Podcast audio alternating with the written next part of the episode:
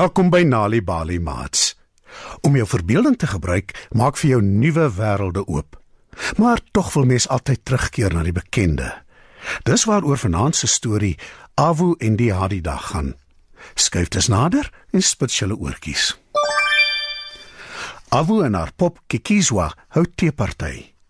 Awu gebruik 'n kartonboks vir 'n tafel en kussings vir stoele.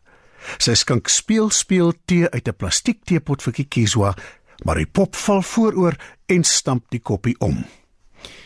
"Jy seker vaak Kikizwa," sê Awu. Sy tel die pop op en sit haar in haar bed. En toe gaan kyk sy wat maak ouma.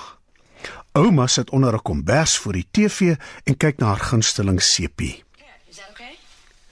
Awu klouter op die bank se leuning en sê: "Ouma, kom speel teeparty saam met my toe." Ouma wys sy moet loop. "Nee, Awu, ek is nie lus vir speel nie, ek kyk TV." Mamma is in die kombuis. Sy gesels met haar vriendin oor die foon.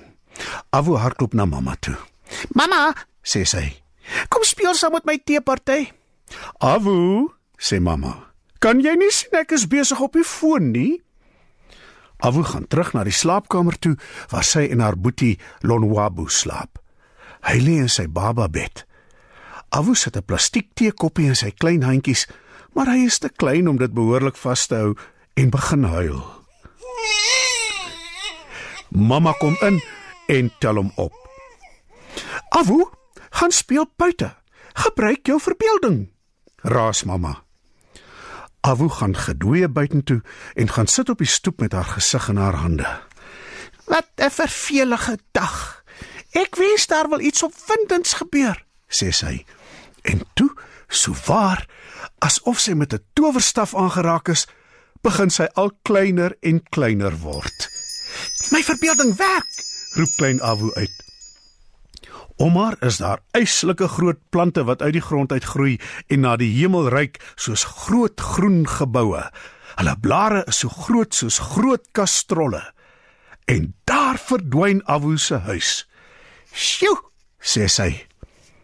Hulle stowwerige agterplaas is nou 'n oerwoud. Awu lag.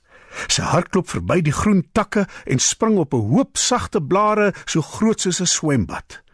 Die hoop maak 'n plofgeluid toe sy daarop neerval.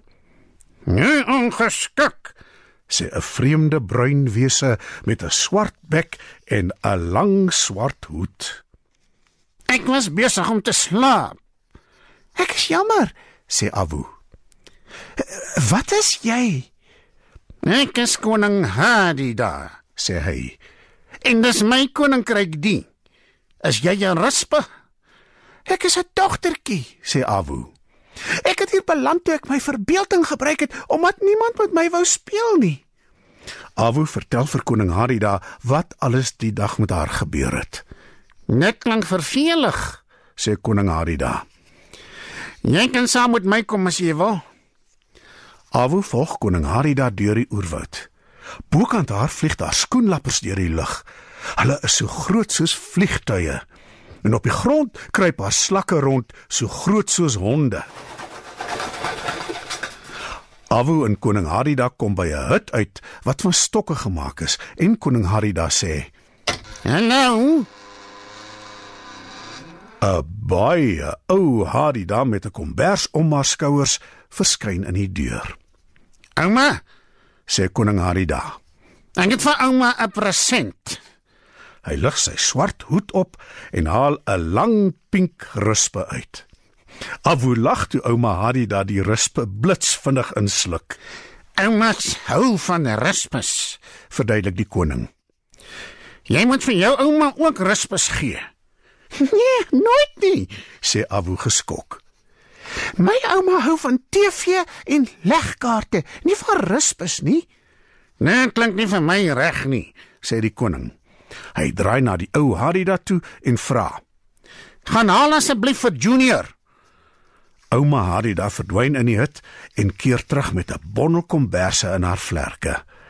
'n Piep klein baba voeltjie met 'n klossie vere loer uit die bondel. "Dit is Junior," sê die koning trots.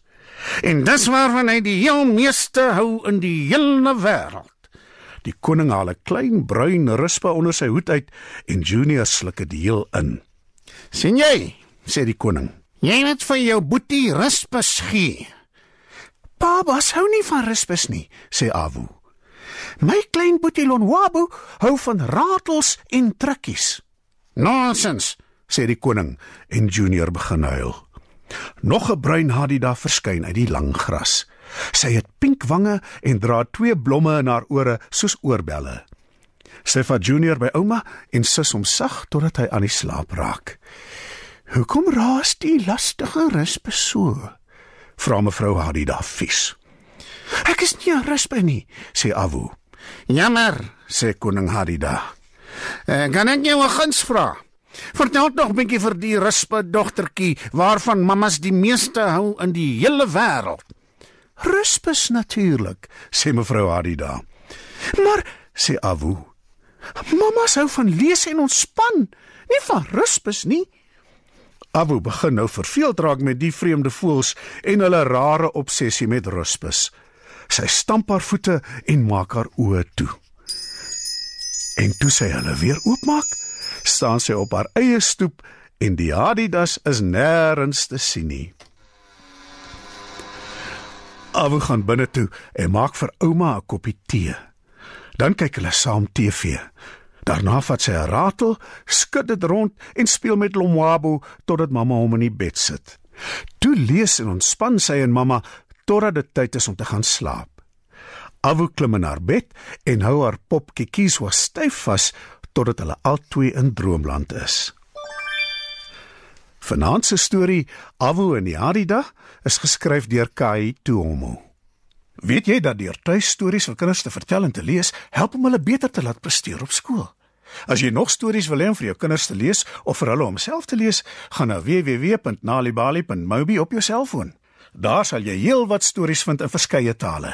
Jy sal ook wenke kry oor hoe om stories vir kinders te lees en met hulle te deel sodat hulle hulle volle potensiaal ontwikkel. Story Power. Bring dit huis toe. Besoek ons op www.nalibali.mobi of kry Nalibali op Facebook en mix dit.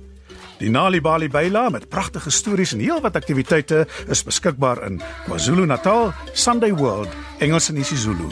Gauteng, Sunday World, Engels en isiZulu. Vrystaat, Sunday World, Engels en Sesotho. Weskaap, Sunday Times Express, Engels en isiXhosa. Ooskaap, The Daily Dispatch Dinsdae en The Herald Donderdag, Engels en isiXhosa.